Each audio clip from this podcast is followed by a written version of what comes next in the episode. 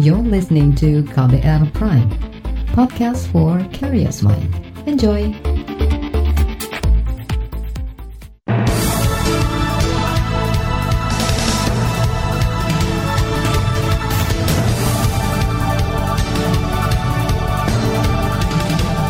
Selamat pagi saudara, kembali kami menyapa Anda pagi hari ini dengan sejumlah informasi di Buletin Pagi, edisi Senin 20 Juli 2020 bersama saya Eka Juli. Kami sudah menyiapkan sejumlah informasi terkini, di antaranya kebakaran hutan dan lahan dikhawatirkan picu meluasnya penyebaran COVID-19. Banjir bandang di Luwu Utara tewaskan 36 orang. Chelsea lolos ke final Piala FA. Inilah Buletin Pagi selengkapnya terbaru di Buletin Pagi. Saudara kebakaran hutan dan lahan di sejumlah provinsi di Indonesia dikhawatirkan dapat mendorong penyebaran virus COVID-19.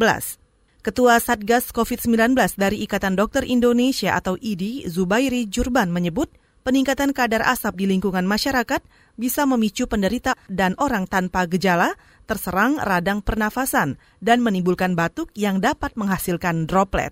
Iya, memperparah kemungkinan cukup besar karena dengan adanya kebakaran orang cenderung untuk batuk, cenderung untuk kalau asmanya jadi kambuh, kalau TBC-nya menjadi kurang eh, baik hasil pengobatannya, kalau perokok jadi makin mudah eh, radang paru, lebih mudah batuk. Nah, itu kan memudahkan penularan. Eh, makanya itu eh, kebakaran hutan harus segera ditangani. Ketua Satgas COVID-19 dari Ikatan Dokter Indonesia atau IDI, Zubairi Jurban juga menambahkan, asap karhutla sangat memengaruhi kesehatan pasien COVID. Bahkan asap karhutla bisa beresiko kematian, terutama bagi pasien COVID yang memiliki penyakit komorbid asma atau gangguan paru lainnya. IDI meminta pemerintah segera menangani karhutla agar tidak memperparah situasi pandemi saat ini. Saudara, akhir Juni lalu, Badan Nasional Penanggulangan Bencana atau BNPB mengklaim fokus mencegah munculnya kebakaran lahan dan hutan atau karhutla dalam skala besar. Kepala BNPB Doni Monardo mengatakan, asap karhutla juga berbahaya bagi pasien COVID-19 dengan gangguan pernapasan atau asma. Karena hampir pasti lahan gambut yang terbakar itu akan menimbulkan asap yang sangat pekat. Dampak dari asap yang pekat inilah bisa menimbulkan ancaman kesehatan bagi masyarakat, terutama mereka yang memiliki penyakit eh, asma atau ISPA. Dampaknya adalah berbahaya bagi mereka yang menderita penyakit asma ini apabila terpapar COVID. Kepala Badan Nasional Penanggulangan Bencana, Doni Monardo juga menambahkan, BNPB dan jajaran terus mencegah karhutla. Sebelumnya, Presiden Jokowi mengingatkan ancaman karhutla dan musim kemarau di tengah pandemi COVID-19. Kementerian Lingkungan Hidup dan Kehutanan atau KLHK menyebut enam provinsi di Indonesia siaga akan terjadinya kebakaran hutan dan lahan atau karhutla di tengah pandemi COVID-19. Menteri LHK Siti Nurbaya Bakar akhir pekan lalu mengatakan status siaga darurat dilanjutkan dengan mempersiapkan satuan tugas untuk menangani bencana karhutla di enam provinsi itu. Uh, sampai dengan sekarang daerah-daerah yang sudah menyatakan siaga darurat, jadi udah waspada banget itu Riau, Jambi, Sumsel, Kalbar, dan Kalsel. Ini udah udah menyatakan siaga darurat, artinya uh, melakukan langkah-langkah secara sistematis. Terus Menteri Lingkungan Hidup dan Kehutanan Siti Nurbaya juga mengklaim kementeriannya menerapkan analisis iklim dan wilayah untuk mengantisipasi bencana kebakaran hutan dan lahan. Kunci lain dalam penanganan kebakaran hutan adalah dengan penegakan hukum dan posko lapangan yang bertugas mengawasi karhutla. Sementara itu, Komisi Bidang Lingkungan Hidup di DPR mendorong pemerintah segera menuntaskan permasalahan karhutla di tengah pandemi COVID. Anggota Komisi Lingkungan Hidup DPR Guntur Sasono memperkirakan potensi karhutla akan memperbesar dan meluas pada bulan depan. Padahal Indonesia belum melewati puncak dari pandemi. Guntur Sasono khawatir jika karhutla tidak segera diatasi, maka akan memberatkan pemerintah karena fokus pemerintah saat ini adalah penanganan COVID-19. Karhutla kebakaran hutan ini terjadi terus-menerus dan makin lama kelihatannya malah makin membesar. Kita ini hidup bertetangga dengan negara-negara lain. Ya. Jangan hendaknya menjadikan masalah yang memalukan bangsa dan juga merugikan negara lain. Itu tadi anggota komisi yang membidangi lingkungan hidup DPR Guntur Sasono. Anggota Komisi Lingkungan Hidup DPR lainnya, Andi Akmal, menyebut karhutla terjadi karena banyak hutan beralih fungsi menjadi perkebunan. Ia meminta pemerintah menindak tegas dan mengawasi agar ada efek jerah dari korporasi nakal pelaku karhutla. LSM Lingkungan atau WALHI menyebut kondisi pandemi menjadi momentum pemerintah untuk menagih pertanggungjawaban korporasi guna mempercepat penanganan kebakaran hutan dan lahan. Manajer kampanye Walhi, Wahyu Perdana, mengatakan Karhutla sebetulnya merupakan kejadian yang sudah bisa diprediksi terjadi setiap tahun, bahkan kadang terjadi di lahan yang sama. Ini harusnya pandemi menjadi momentum untuk minta pertanggungjawaban korporasi. Kalaupun tidak mau itu saja, itu aja. Menagih kemudian putusan-putusan hukum yang sudah inkrah dari 2015 sampai sekarang, hampir 18 triliun itu, dan nggak nyampe 10 persen yang baru dibayar, itu bisa jadi catatan dan opsi tersendiri. Yang kedua juga momentum pemerintah untuk kemudian merubah kebijakannya sesuai putusan-putusan hukum terkait karhutlah. Manajer kampanye Walhi Wahyu Perdana juga menambahkan, selain berbahaya, asap karhutla juga dapat menurunkan imunitas masyarakat yang menghirupnya, sehingga kemungkinan tertular virus COVID juga meningkat. Walhi meminta pemerintah segera mempercepat penanganan karhutla, termasuk penindakan tegas kepada korporasi yang diduga membakar hutan dan lahan. Saudara, kenangan terhadap maestro dan penyair almarhum Sapardi Djoko Damono yang meninggal minggu kemarin, kami hadirkan sesaat lagi, tetaplah di Buletin Pagi. You're listening to KBR Pride, podcast for curious mind. Enjoy!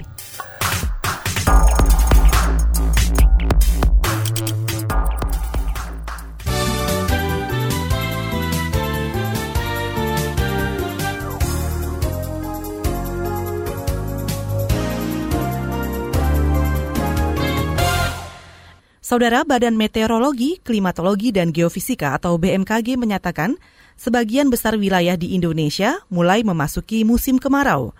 Kepala Bidang Analisis Iklim BMKG, Indra Gustari mengatakan, hingga akhir Juni kemarin, sekitar 64 persen wilayah di Indonesia memasuki musim kemarau. Sudah 64 persen wilayah kita itu memasuki musim kemarau.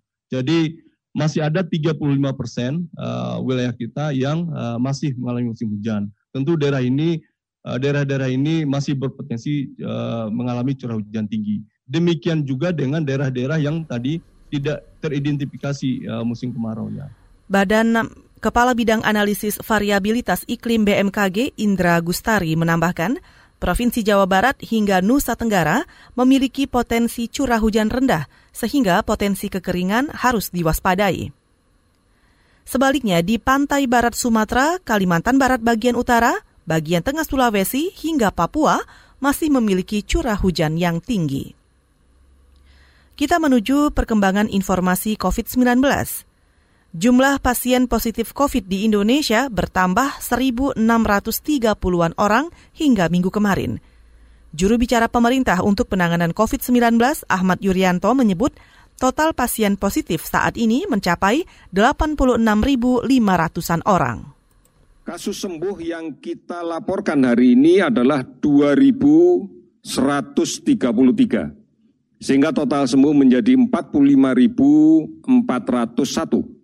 Meninggal 127 orang sehingga total menjadi 4.143. Juru bicara pemerintah untuk penanganan COVID-19 Ahmad Yuryanto menambahkan, saat ini sebanyak 460-an kabupaten kota di 34 provinsi di Indonesia terpapar COVID-19. Pemerintah juga mengingatkan masyarakat agar mewaspadai kasus konfirmasi positif tanpa gejala terutama masyarakat yang bekerja di kantor, untuk mematuhi protokol kesehatan, mulai perjalanan menuju ke kantor, di angkutan umum, dan saat di kantor. Kita ke soal pariwisata. Kementerian Pariwisata dan Ekonomi Kreatif menyebut preferensi wisatawan di masa pandemi COVID-19 adalah wisata alam yang mengutamakan kebersihan, keamanan, dan kesehatan. Direktur Pemasaran Pariwisata Regional 1 di Kementerian Pariwisata, Vincentius J. Madu mengatakan, Preferensi itu akan berlaku selama masa adaptasi kebiasaan baru. Sektor pariwisata saat ini terpukul hebat saat pandemi corona, sehingga memerlukan penyesuaian dalam preferensi wisata. Kementerian Pariwisata berpedoman pada edaran yang dikeluarkan oleh Kementerian Kesehatan. Kita mulai menerjemahkan uh, protokol kesehatan itu hmm. di lebih substantif ke sektor pariwisata. Oke. Okay, nah, Kemenparekraf sudah mengeluarkan semacam suatu guidebook, Ada, buku pedoman untuk semua pelaku pariwisata Indonesia. Ya, namanya apa, Pak? Mulai. Pedomannya? Ya. Nama pedomannya apa judulnya? Iya. Uh, gitu, guidebook untuk CHS. Oh, guidebook ya, untuk CHS. CHS ya. Itu tadi Direktur Pemasaran Pariwisata Regional 1 Kementerian Pariwisata, Vincentius J. Madu. Sementara itu, Bupati Bintan Kepulauan Riau, Apri Sujadi, menyebut kebersihan, keamanan, dan kesehatan merupakan komitmen bersama masyarakat Bintan. Apalagi 60 persen pendapatan warga Bintan bersumber dari sektor pariwisata. Dan saat ini, Bintan menurut Apri Sujadi berstatus zona hijau COVID-19. Kita ke informasi lain. Maestro sastra dan penyair senior Sapardi Djoko Damono tutup usia pada minggu pagi kemarin. Salah seorang penulis, Gunawan Marianto, menilai berpulangnya almarhum Sapardi Djoko Damono harus menjadi momentum bagi penulis lain untuk mengikuti jejak semangat penulis yang kerap dipanggil SDD itu. Gunawan menyebut Sapardi Djoko selama ini menjadi pujangga yang memperkaya bahasa Indonesia – Semangat itu harus ditiru penulis generasi berikutnya. Gunawan yang merupakan sutradara teater itu yakin generasi muda dapat memperkaya bahasa Indonesia dalam karya sastra dengan kata dan kalimat indah yang lainnya. Pengolahan-pengolahan puisi Pak Sapardi itu menunjukkan betapa bahasa Indonesia itu sangat kaya sebenarnya. Itu salah satu yang barangkali juga cukup menyemangati saya di dalam menggunakan bahasa Indonesia gitu.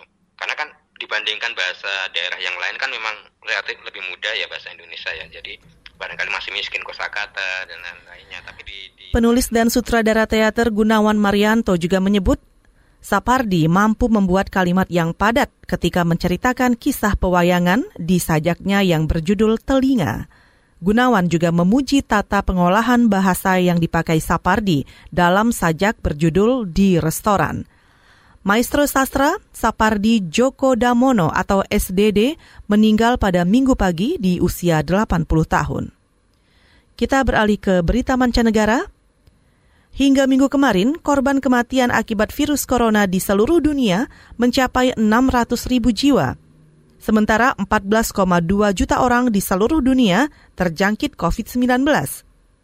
Kasus kematian terbanyak di wilayah Eropa, sebanyak 205 ribu kasus, disusul Amerika dan Amerika Latin dengan jumlah kematian mencapai 160 ribu jiwa. Eropa menjadi benua yang paling parah terkena dampak setelah virus corona menyebar dari Wuhan, China sejak akhir tahun lalu.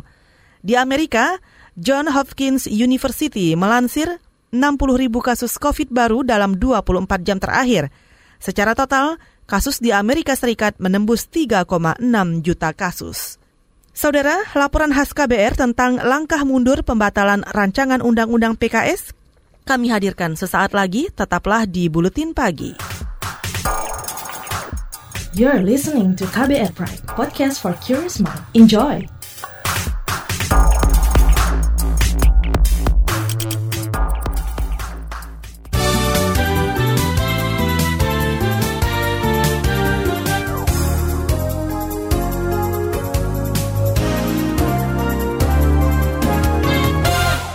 Anda masih mendengarkan Buletin Pagi, dan saatnya kami hadirkan laporan khas KBR. Untuk kesekian kalinya, rancangan Undang-Undang Penghapusan Kekerasan Seksual atau RUU PKS batal disahkan. Rancangan undang-undang ini dicoret dari Program Legislasi Nasional Prolegnas Prioritas 2020.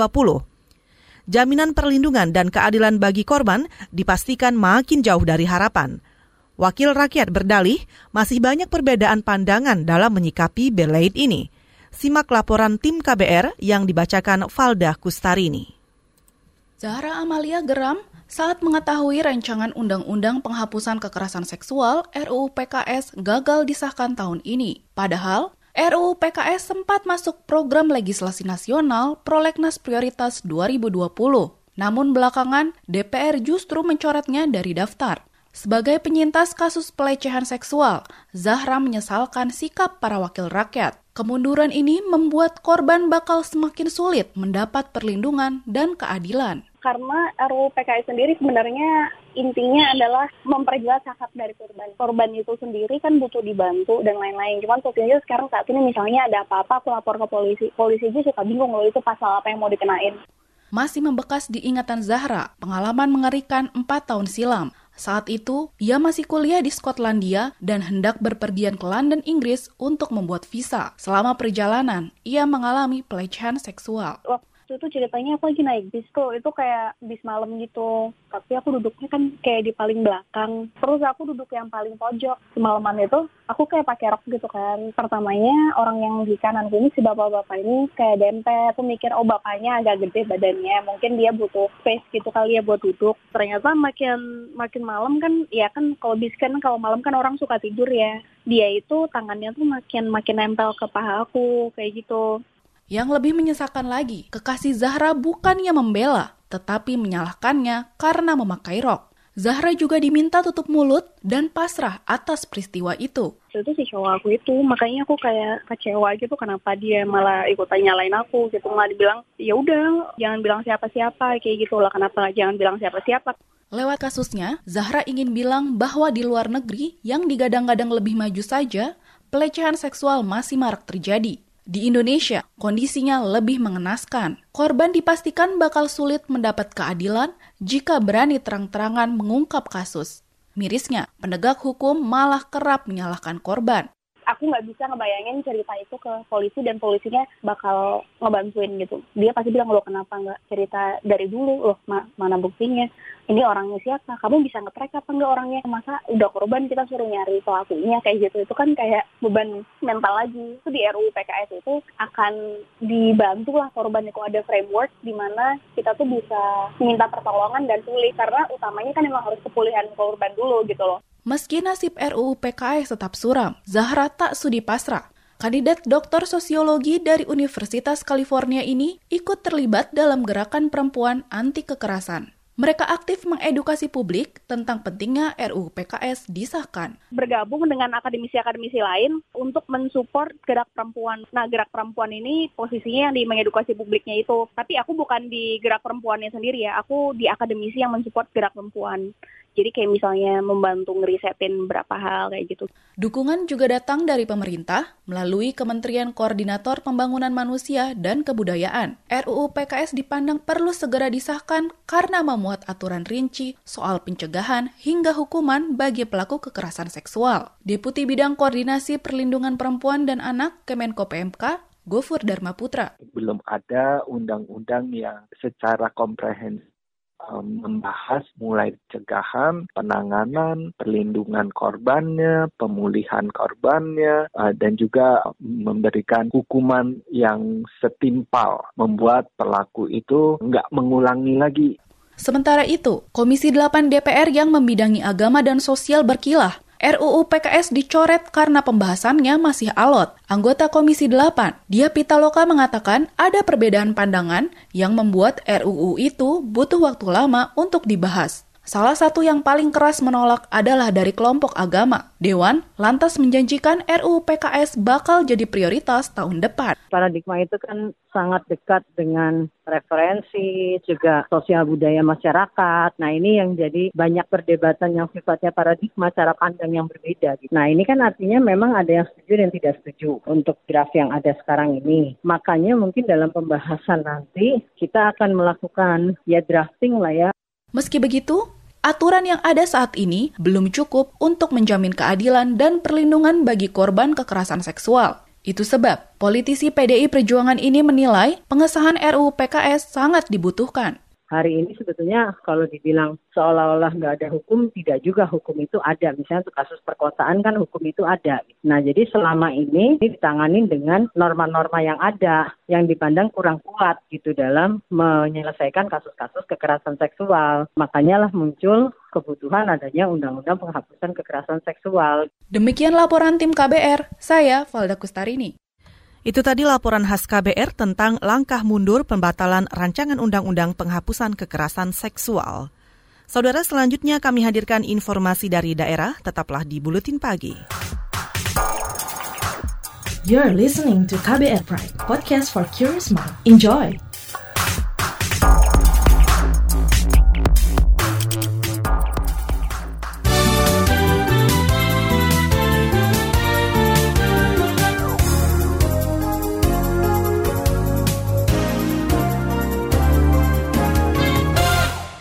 Inilah bagian akhir buletin pagi KBR. Saudara Badan Nasional Penanggulangan Bencana atau BNPB mencatat 36 orang meninggal akibat banjir bandang di Luwu Utara, Sulawesi Selatan. Sedangkan 40 orang masih dinyatakan hilang. Juru bicara BNPB Raditya Jati mengatakan jumlah korban kemungkinan masih bisa bertambah proses pencarian korban akan berlangsung selama satu minggu dan bila mana memang nanti dibutuhkan masih ada kebutuhan untuk mencari lagi, tetap Basarnas akan tetap melakukan uh, standby dan bisa melakukan uh, proses lebih lanjut. Juru bicara BNPB Ratidya Raditya Jati juga menambahkan, penanganan banjir bandang saat ini masih akan fokus pada membuka jalan yang tertutup lumpur Jati menyebut Bupati Luwu Utara juga menetapkan tanggap darurat bencana selama 30 hari sejak 14 Juli 2020. Banjir bandang di Luwu Utara juga menyebabkan 14.000 warga mengungsi. Kita ke Jawa Timur. Dinas Kesehatan Kabupaten Jombang bakal memulangkan pasien COVID-19 yang masih menjalani karantina di beberapa rumah isolasi setempat. Kepala Dinas Kesehatan Jombang, Subandriah, beralasan Pemulangan itu karena keluarga pasien COVID mendesak agar keluarga mereka yang lama diisolasi segera dipulangkan dan menjalani isolasi mandiri di rumahnya masing-masing. Surat keterangan selesai isolasi. Jadi bukan keterangan sembuh loh ya. Mohon maaf, bukan keterangan sembuh. Surat keterangan telah melaksanakan isolasi. Hari ini saya mengundang rumah sakit membahas ini terkait selesai karantina. Itu tadi Kepala Dinas Kesehatan Jombang Subandriah. Sebelumnya, keluarga pasien yang mengeluhkan lamanya masa karantina dari Pemkap Jombang. Keluarga lantas mengadukan masalah ini ke DPRD setempat. Saat ini jumlah kasus positif COVID-19 mencapai 410 orang. Sebanyak 165 orang di antaranya diisolasi di beberapa rumah sakit dan isolasi lain, termasuk 39 PDP. Saudara, informasi tadi menutup kebersamaan kita di Buletin Pagi hari ini. Pantau juga informasi terbaru melalui kabar baru atau website kami kbr.id, juga di Twitter at Berita KBR, serta podcast di kbrprime.id. Saya Eka Juli, salam.